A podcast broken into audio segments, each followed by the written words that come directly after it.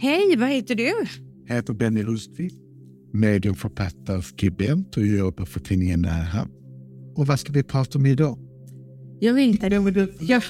Alltså, det är, det är jag egoistisk här, men vem är du? Eh, Du är inte egoistisk, inte på något sätt. Eh, Det är jag som är Helena Magdalena och arbetar ju med väldigt mycket samma saker som du gör. Och tillsammans med dig så har jag ju den här podden Inre och yttre resor.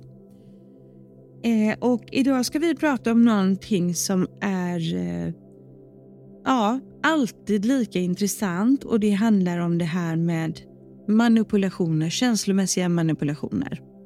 Den första som egentligen manipulerar oss medvetet och omedvetet det är våra föräldrar. Dels i sitt sätt att vara, dels att förhålla sig till det de har med sig. Mm. Som kanske de inte är medvetna om att det är rätt eller fel, men de lär oss ett beteende där vi kanske anammar rädslor. Deras rädslor, där vi anammar deras sätt att se som de har fått med sig som inte behöver vara det rätta, så därför får man kanske titta på är detta mitt sätt att tänka? För vi präglas. Mm. Så bra att börja äga sina egna tankar för att må bättre. Mm. För någonstans är man skyldig att titta mer rationellt på hur tänker jag egentligen här? Är det, är det någonting där jag är fördomsfull mot mig själv eller mot någon annan? Mm. Är jag manipulativ här? Styr jag någon omedvetet här? Mm. Att bli mer medveten om det. Och jag tror någonstans att då är det viktigt att man exkluderar sin omgivning, att kanske mer går in i meditation och börjar gå in i att våga vara sann mot sig själv i meditationen. För där finns den totala sanningen om ditt egentliga jag, Mm. sanna jag och det ska man vila i. Man ska vila i sitt jag, Mm. tycker jag. Och där hittar man ju väldigt mycket kunskap om vad jag egentligen har för behov själv. Mm. För kan jag sätta gränser för mig själv, för jag manipulerar mig själv också. Mm.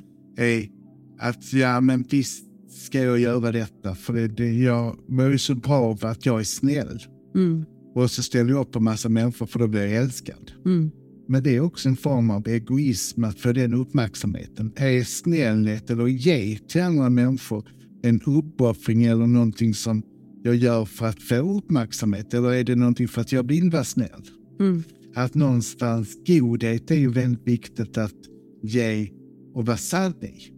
Det är det absolut och jag håller med dig där. Och det är också när vi är barn som vi kan lära oss att manipulera. Genom, vi applicerar och vi präglas av våra föräldrar. Eh, men vi, vi är ju känslomässiga varelser redan som barn och vi förstår ju att vi känslomässigt påverkar våra föräldrar. Och syskon Mm. Där kan det också vara mycket manipulationsspel som sker emellan, emellan syskon. Jag har en syster, det skiljer bara ett år på oss. Och eh, det var jättemycket som eh, redan när vi växte upp. Sen när jag var 20, någonstans mellan 20 och 25 så började jag läsa A Course in Miracles. För då kände jag det att jag ville vara en ljusarbetare verkligen i grunden. Jag ville arbeta med mig själv på det sättet och gå in i mycket att vara icke-dömande. Och även där så blev jag väldigt tydlig om det här med manipulationer. Också Du kan hela ditt liv av Louis L. Hay. Eh, för jag kände att jag satt fast i människors manipulationer och kände också att jag manipulerade också andra människor känslomässigt. För jag var lite för mycket drama queen på den tiden. Eh, så man kan ju påverka det där väldigt mycket själv. För det här att bli manipulerad, det är ju väldigt, väldigt jobbigt. Det är det. Och sen tycker jag också ett sätt som inte ofta stämmer det är när det manipuleras i skuld och dåligt samvete. Mm. Alltså vi går in i skuldkänslor och har dåligt samvete. Luther till exempel, Mm. som har präglat oss till att vi ska vara duktiga och jobba och plikttrogna. Att det är viktigt att leverera. Och någonstans vi får inte överkoppla för mycket. Nej. Vi ska inte vila för mycket. Och vi ska vara sanna mot oss själva att det är viktigt att prestera. Och ju mer du presterar, manipulation någonstans att det är precis som man duger inte om man inte kan prestera. Mm. Det är ju hemskt med att vi har sådana krav på prestation. Och det är också en form av manipulation. Att man ska slå sig hela tiden på akten eller axlarna för att man ska vara så duktig. Så det var Luther alltså? Ja, det var Luther. Det var Luther. Det är där det... Ja, Luther. ja just det. Det är då man blir luttrad. Ja, Jag skulle också säga att vi har en ängel på en sida och så har vi en, en djävul på ena sidan. Det gäller att välja. Det gäller med vilken man matar så att säga. Mm. Ja, Så det gäller ju att mata ängeln, att som också ska vara snäll mot dig själv. Det också, man kan också göra positiva manipulationer. Att man någonstans tänker, nu ska jag vara snäll mot mig själv. Alltså, den godheten jag ger till andra, den måste börja hos mig själv. Mm. Också för någonstans, om jag är riktigt snäll mot mig själv så är det ju lättare att vara snäll mot andra också. På ett ärligt sätt. ja, verkligen. Och det är så underbart när man möter människor som fullt ut tar ansvar för sig själva, sina liv och sina val. Alltså som verkligen står där som fullt ut vuxna och i sitt högre medvetande.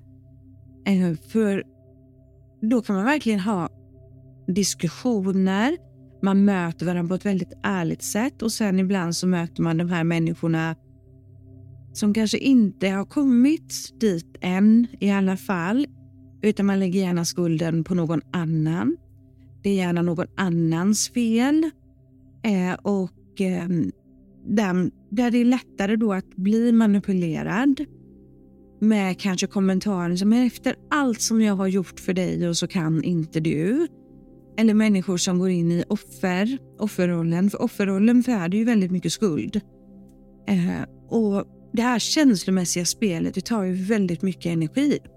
Men det är också ett samhälle som, som ofta vill ta hand om oss. Mm. Där vi inte ska bli fria individer att utvecklas. Utan jag tar, vi tar hand om dig om du, du behöver det. Men nu har det visat sig att samhället tar inte hand om. Så då måste många bli väldigt besvikna på att det inte fungerar så här. Att vi måste ta ansvar för oss själva. Mm. För samhället finns inte på det sättet som de har utlovat att ta hand om oss. Att vi måste ta ansvar för våra handlingar själv. Och jag tror vi blir starkare om vi gör det också. Om vi någonstans in, som du säger, offerkoftan, att vi lägger av den någonstans. Och Mm. Bitterhet, alltså förgrämdhet. Att någonstans är det också när man går in i att jag är sjuk, jag mår dåligt jag orkar inte, jag kan inte. Det är också manipulera sin omgivning för att slippa undan. För att jag känner någonstans att det finns många som får sjukdomsvinst i sitt mående så att säga, både psykiskt och fysiskt och slipper undan massor Mm. och slipper ta ansvar på det sättet. Ja. ja, men precis. Och där, där är det ju väldigt intressant att reflektera bakåt i vilka mönster man har med sig från sin barndom och när man präglades dels av föräldrar och familjen men också av samhället, skolan. Alltså det som formar att vi blir de individer som vi, som vi blir. Pressen, eh, media, tv. Mm.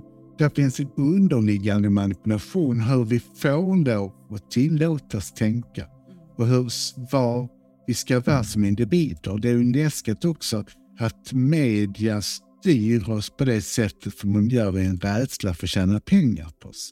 Att rädslan är så styrd för att vi inte ska att någonstans ha kontroll på oss.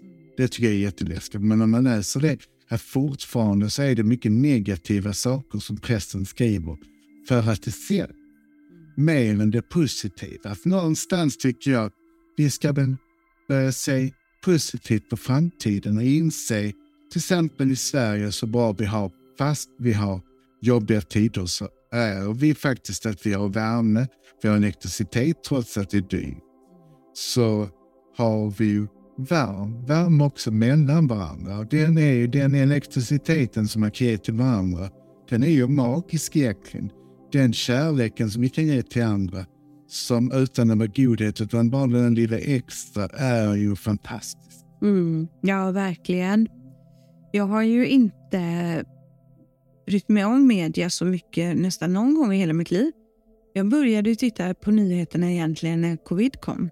Eh, för jag kände det redan som ung att jag ville inte få in allt det där i min hjärna. För jag kände att jag mådde inte så bra av det. Så det är ju känslomässig manipulation, precis som du säger, att vi hela tiden triggas i rädsla. Vi visas hela tiden det som är negativt. Eh, det är som att vi hela tiden ska tassa på tå för eh, tänk allt det där hemska som händer och så händer det egentligen så otroligt mycket positivt varje dag som inte får någon uppmärksamhet alls. Så jag har knappt tittat på tv i mitt liv. Jag tittar på Så mycket bättre. Jag mår bra av det. Jag gråter åt alla tolkningar. Eh, men sista åren så, så har jag följt med i media och det är en väldigt dyster omvärld som visas för oss hela tiden. Tänk på det så konstigt exempel. Som ett trollspö så hade vi var dag matats vi med covid. Mm. Sen kom det här kriget i covid, Ukraina. Och nu matas vi med Putin och Ukraina hela tiden. Mm. Och att allt vad han säger att han ska förstöra hela västvärlden och han står atombomber. Mm. Och jag har inte sett någonting att man verkligen ser att han säger det. Var kommer den informationen mm. ifrån? Och jag har ju hört någonstans att journalister ska vara kärlenliga.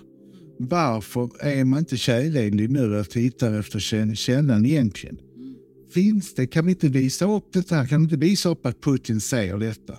Som vi skräms med. Har jag, har jag blivit visad någonting av allt det som de skriver om Putin? Mm. Nej, jag ser knappt någonting om Putin överhuvudtaget. De visar, jag såg deras stora bord. Och sen har jag knappt sett någonting om Putin. Och det verkar mer att han var rädd för basilier än att han satt så långt ifrån folk. Mm. Så det var väl att han var rädd för covid då, eller någonting sånt. Men ja, man hör så mycket som vad är sant och inte sant. Och varför ska vi skrämmas på detta sättet? Visa fakta då så vi verkligen förstår att detta inte är manipulation. Var ligger sanningen någonstans?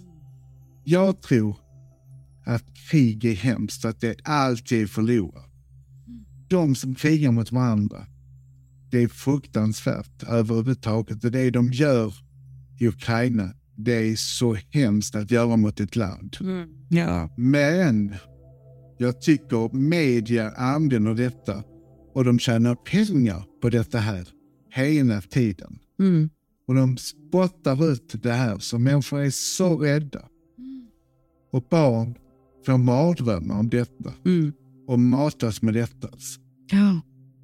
Nej, man ska verkligen vara medveten om och göra en digital detox. Eh, för, lite, ja, längre tillbaks, jag har ju liksom inte läst tidningar och jag har inte tittat på nyheter.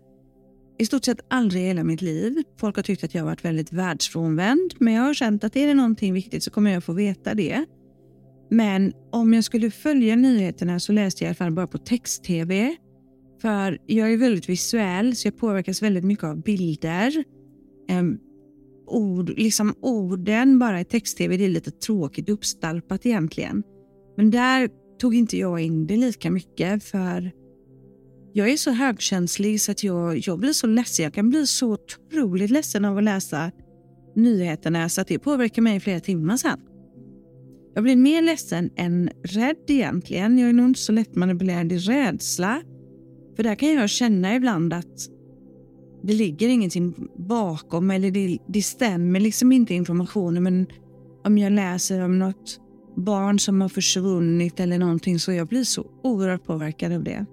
Nej, jag blir inte heller rädd för jag har ju min, vi har vår kanal och jag får information om att detta stämmer. Så det är så bra att vara medial på det sättet att man får till det direkt. Men min mage säger att detta stämmer. Och det är faktiskt jätteskönt. Mm. Och, uh, men man tänker också nu med fake news som är på nätet. Alla människor som dras åt olika håll. Och det finns säkert grunder till vissa saker, sanningar där också, men mycket är också en manipulation. Ja. Och där får man ju vara lite självkritisk och tänka någonstans, stämmer verkligen detta? Ja, för att det, det, det som man också ser i den här tiden, det är att det skapas väldigt mycket splittring. Det är som att människa ställs mot människa i fråga efter fråga efter fråga efter fråga. Eh, och jag känner att vi, vi är på väg in i en ny tid med oneness, med ett gemensamt ansvar tillsammans. Och ju mer jag ser av den här splittringen, de här sista frågorna som har varit sista åren, det är människa mot människa, det är människa mot människa. Det är helt fel väg att gå. Tycker jag också. För någonstans så behöver vi vara. Mm, Och ja, vi är olika för att vi behöver vara olika. mm, Och jag tycker det är så dumt både med att det är något människor fördomsfullt. mm, Att vara fördömande mot andra människor. För det är också en form av manipulation som vissa får med sig hemifrån där vi, de blir mer fördomsfulla. mm, Och det är ju någonstans ett, en osäkerhet inför det som är annorlunda. mm, Och när man då väl lär känna det, till exempel det som är annorlunda så tänker man det är fantastiskt med olika människor egentligen. mm, Och mångfalden har alltid inspirerat mig. mm, Och jag älskar originalitet. mm. Så jag älskar originella människor med en kopior. Mm. Så jag är inte rädd för främmande människor. Jag är rädd för att, och nyfiken på människor. Och jag är alltid öppen för människor till de har visat motsatsen. Jag ser positivt till människor till de har visat negativitet. Och den sista tiden har faktiskt varit så att många människor har överraskat mig positivt. Så människor har visat att de kan saker och gör goda saker för mig. Så jag är så tacksam för att det bör vinna mer i mitt liv igen. Men jag har hört så mycket människor som är, har massa rädslor för hur människor beter sig mot andra, pressen om allt som händer. Att jag ser så mycket gott i människor nu Mm. som kommer närmare och närmare mig. Grannar som gör gott för mig och jag kan göra gott för. Och det är fantastiskt, tycker jag. Ja, jag har också alltid haft det att jag förväntar mig alltid det bästa av människor så får de visa motsatsen. Och jag försöker också alltid vara icke-dömande. Eh, och tycker också om originella människor och mångfald. Men också att jag tycker om äktheten hos människor. Människor som är sanna mot sig själva, i sig själva. Eh, så det här med våldsamheter och andra saker. Jag har, jag har väldigt, väldigt svårt för det. Människor som spelar sina draman på det sättet med kriminalitet, våldsamma och sådär. Och för mig spelar det ingen roll var man kommer ifrån i världen. För det är beteendet som jag har väldigt, jag har väldigt svårt för det. Ondskan har alltid varit hemsk. Mm, Alltså någonstans tycker jag det är hemskt att vara våldsam och, och fördömande och, eh, och dödande. mm, Alltså att döda en annan människa måste alltid vara fel. mm, Att fördöma en annan människa, hata en annan människa tycker jag är fruktansvärt. Egentligen så säger jag. Så någonstans är det ju, man kan inte, att förlåt, vara förlåtande är fantastiskt. Visst har jag också blivit ovän med människor, kanske inte vill umgås med dem och känner att jag inte, men jag har förlåtit dem och accepterat för det som har hänt. Men vissa människor sätter man först på lite vänt och så de kommer tillbaka när man har utvecklats. Så jag trycker ofta på pausknappen och förlåter och så är det tillåtande så de kommer tillbaks. För just det där förlåtandet av människor tycker jag är så viktigt, för det släpper man. Ja, och jag brukar också förlåta mig själv för att jag har valt att utsätta mig i olika situationer för olika personer. Och jag har... Alltså jag älskar absolut människor på alla sätt och vis, men jag är oerhört känslig. Eh, så om jag ska släppa en människa nära mig som ska bli min vän, som vi har blivit de här senaste åren. Det började med att vi var kollegor och så blev vi vänner. Då går jag ju alltid på den känslan av vad den här människan förmedlar, alltså i vårt fall då, liksom vad du förmedlar och eh, iakttar en del också, inte just med dig men även andra så här, hur människor relaterar till saker och ting. Hur ser man på saker och ting? Eh, och som jag pratade om innan, där, människor som är beredda att ta sitt fulla ansvar för sina gärningar, för sina handlingar. Alla kan göra fel och alla kan förändra sig och det kan bli till det bättre. Och man kan få flera chanser i livet, verkligen.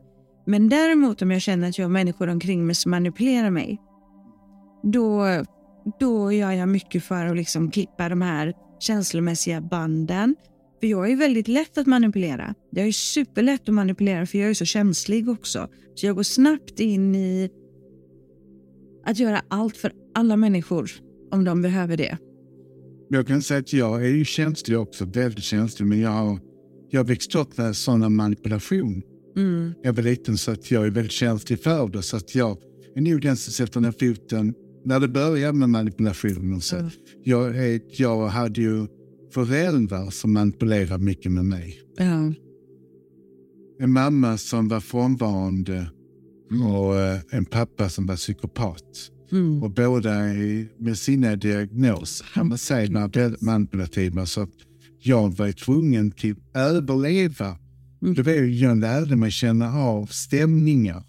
Så att när jag märker någonting så sätter jag upp ett skydd mm. direkt. Jag är, de kan finnas där, för jag var tvungen att överleva mina föräldrar. Mm. Att de fanns där trots att de manipulerade mig. Jag, det var ju de jag var utlämnade till. Mm.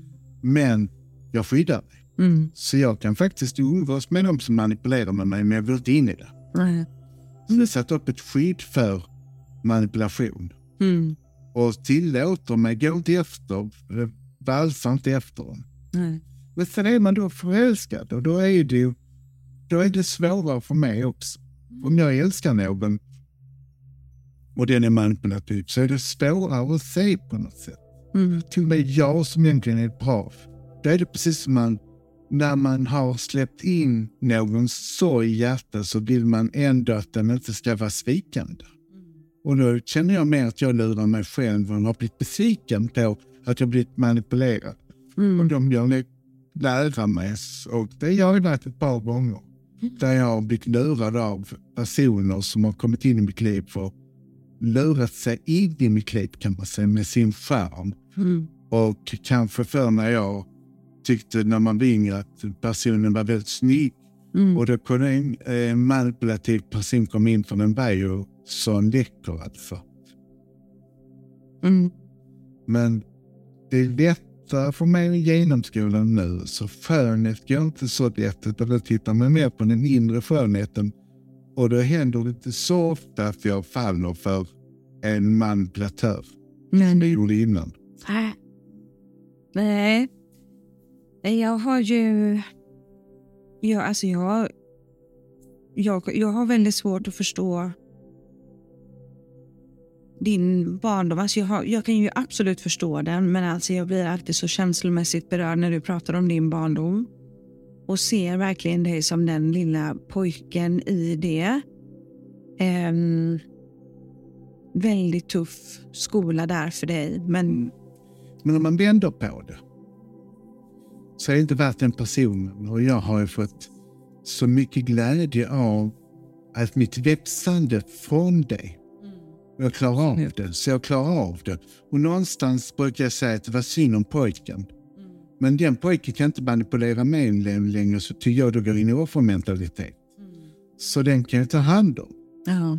Och tänka någonstans och låta växa också med mig i min utveckling. För jag har ju fått väldiga utvecklingsmöjligheter tack vare den svåra barndom som jag haft. Så jag har vänt det kärleksfullt till den lilla pojken och mig själv och möter så mycket positivt tack vare min tuffa barndom. Så jag hade ju inte haft det drivet som jag har och älskat mitt liv så mycket om jag inte haft det som jag haft. Jag, när jag tittar tillbaka så tänker jag dit kommer jag aldrig hamna igen. Men så har jag skapat det själv och, och det kan ju alla göra. Alla kan få det bättre. Sitt inte och tyck synd om dig själv och manipulera dig själv och tyck vilket helvete jag har. Utan tänk, kan han så kan jag. Som en maskrosblomma som går igenom asfalten och blommar under solen hur illa den har varit. Ja, det är verkligen, eh, det är verkligen väldigt fint. Jag har egentligen inte så mycket erf Jag har erfarenheter av att ha blivit manipulerad, men absolut inte på det sättet. Och inte heller i, i mina kärleksrelationer. Jag har haft sunda personer, vilket jag är väldigt tacksam för. Men jag har haft vänner omkring mig där jag har blivit manipulerad. Och fart väldigt, väldigt illa. För jag har väldigt lätt att lägga på mig skulden själv. Jag kunde gjort mer, jag kunde gjort på ett annat sätt. Jag har haft väldigt svårt att säga nej, jag har svårt att sätta ner gränser. Eh, så det har varit jättetufft vissa, vissa perioder och med vissa människor. Men detta var mer när jag var yngre, så sen... Det var väl det som gjorde sen att jag verkligen värnar om vem jag släpper nära. Och jag har ju min klick med vänner som har varit med genom livet eller väldigt när jag var ung vuxen. Och sen när jag lärt känna några nya människor, kanske senaste året, jag, ja, jag har inte släppt in så många utan det är som att testat väl alltså. Testat rejält, iakttagit rejält för jag är så superlätt att manipulera. Eh, och har väldigt svårt att ta mig ur sådana relationer. Jag tror det är väldigt vanligt. Om man tänker på mina klienter så sa många det att de lägger skuld på sig själva om de, att de har varit en partner som har manipulerat dem och där de har blivit utsatta för psykisk misshandel. Fast det är de som har blivit utsatta så lägger de skulden på sig själv. Ja. Och sen finns det många som har vänner som har eh, behandlat dem illa. Så lägger man, ja men hur kunde jag vara så dum? Och varför gjorde jag det? Alltså, det är väldigt mänskligt att lägga det här på sig själv. Att det var jag som valde det. Men så kan man inte säga att man väljer att någon gör en illa. Alltså det är ju någonstans också en manipulation som vi är uppfostrade till att vi ska tillåta att man lägger skuld på sig själv. Det, så kan, det kan inte stämma. Det kan inte stämma att, någon, att du gör fel för att någon gör dig något fel mot dig. Att man ska ta skuld på sig eller ha samvete för någonting som man inte själv har åstadkommit. Det är ju en självmanipulation. Ja, precis. Man brukar säga att empater Ja, eh, feels sad for assholes too. ja. Och där är jag nog. Att Jag jag kan tycka Ja. synd om den skyldiga och om den oskyldiga. Ja. Och jag kan, om en människa behandlar mig illa och jag sätter ner foten och verkligen markerar att här är det en gräns. Ja, men sen går jag in i det här himla tycka synd om. För jag har så lätt att känna empatiskt med en annan människa. Och det tycker jag är superjobbigt. Jag har nu kommit längre där för jag släpper dem. Mm. För jag känner någonstans att och de får jag lämna dem med det som har hänt. För det har varit flera gånger nu de sista åren när jag har eh, känt att jag har känt mig utlämnad på grund av vänner som jag trott var nära vänner. Och jag har lärt mig så mycket. Så att jag släpper dem och eh, kan ändå vara trevlig mot dem. Men jag går inte in känslomässigt. Så de blir bara, det blir som jag stänger en butik och det blir en lite ytligare kontakt. Men jag fortsätter ändå respektera dem. Men jag respekterar mig själv mer. Ja, Så att precis. inte de kan komma åt mig känslomässigt flera Mm. gånger. Man släpper inte in mer helt enkelt. Nej. Och jag kan säga att förr blev jag ledsen, nu blir jag bara arg. Ja. Alltså jag blev så arg så att det kokar över. Så det, det, jag kan nästan skrika på folk när de gör på det sättet. När de förtalar eller gör skit bakom mig och kallar sig för min vän. Det är fruktansvärt övergrepp. Och det accepterar jag inte längre. För då skyddar jag min själ och faktiskt säger ifrån och sätter ner foten att det här blir jag inte vara med fler gånger. Och jag kan faktiskt bli riktigt förbannad. Och det är så skönt, för jag blir så sällan arg nu. Men det är nog det, jag har blivit det tre gånger de sista åren, sista fyra åren. Tre tillfällen. Och då har man rätt att bli. Alltså ibland är det också så att vi får inte lov att visa ilska för det, det är ju någonting som är fel. Men jag tycker någonstans när människor verkligen trampar och står på och stampar på dina tår, då får man också säga ifrån, tycker jag. Man har skyldighet, det är också sätt att sätta gränser. Att vissa människor får man vara extra tydlig mot, för de går för långt. Ja, absolut. Alltså, de, de, de bara alltid står på tå när de vinner själen och stampar på dig. Och den förödmjukelsen ska ingen människa behöva ha av någon. Det är inte kärlek, men sen kan man släppa dem och vara kärleksfulla. Mm. Igen, när man inser att denna människa måste jag skydda mig, skydda mig ifrån. Mm. Ja, ja, jag är nog mer så att, eh, jag vet vi har pratat om det en annan gång i podden. Är man klar, har man trampat med tillräckligt många gånger så då är man liksom utesluten. Det är en lejonascendent brukar jag säga, då är du utesluten ur hovet. Eh, och eh, ja, nej, för då, eh, men då har det också gått väldigt långt innan man väl är där. Man har fått väldigt många chanser. Men sköter man inte det då så, så får det vara bra. Men jag säger någonting som mina vänner säger det är jättebra. Och det har jag sagt till många. Det är att jag sätter alltid soppåsen utanför någon annans dörr. Jag sitter och sorterar deras sopor. Nej, det är bra. Alltså de får sortera sina sopor själv. Ja. Jag gör inte det längre till folk. Det är bra. Det är riktigt bra. Ja. Ja, nej, men det är intressant och det är viktigt och värdefullt också att känna efter. Hur känns det i relationerna man har runt omkring sig? För man kan faktiskt också ibland behöva släppa vissa relationer och vara färdig med dem och bjuda in nya människor när andra människor lämnar en. Det ska, det ska kännas på det hela som att man har en, en relation där man ger och får. Sen kan den ena ge mycket mer under en period och tvärtom.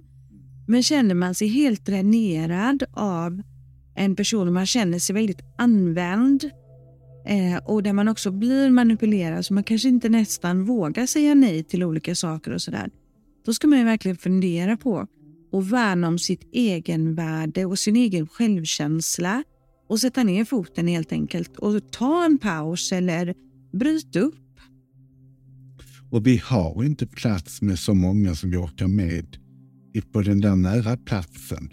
Som jag brukar säga med spårvagnen, att vissa, det är bara vissa platser i din kupé. Så ibland behöver någon gå ut så någon annan kan komma in och ibland är det svårt att släppa någon. Men när man har släppt den så kommer det in och tänkte Wow, var det du som kom in och tog den här platsen? Vad jag utvecklas nu, vilken kreativ person du är.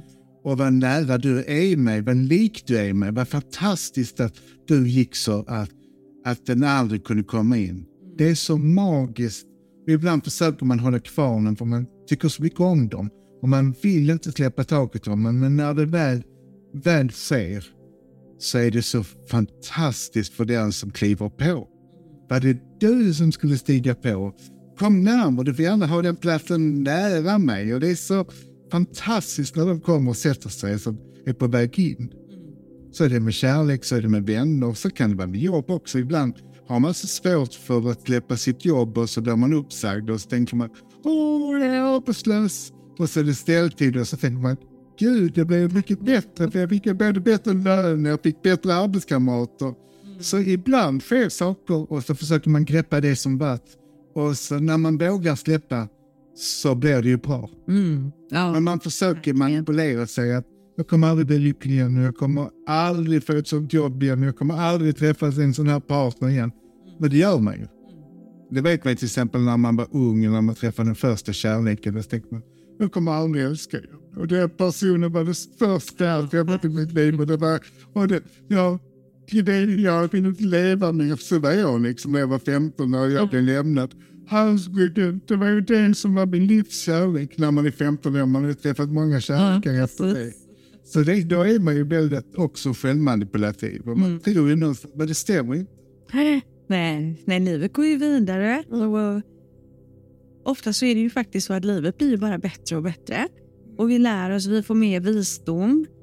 Eh, och eh, man blir mer medveten om sig själv, sina känslor, sina beteenden.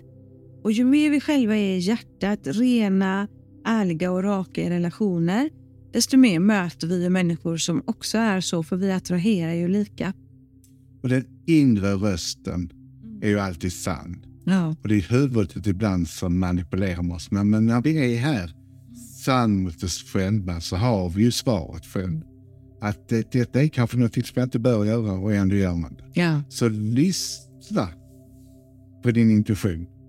Den är alltid sann. Manipulationen sker alltid i huvudet. Ja, Ja. precis.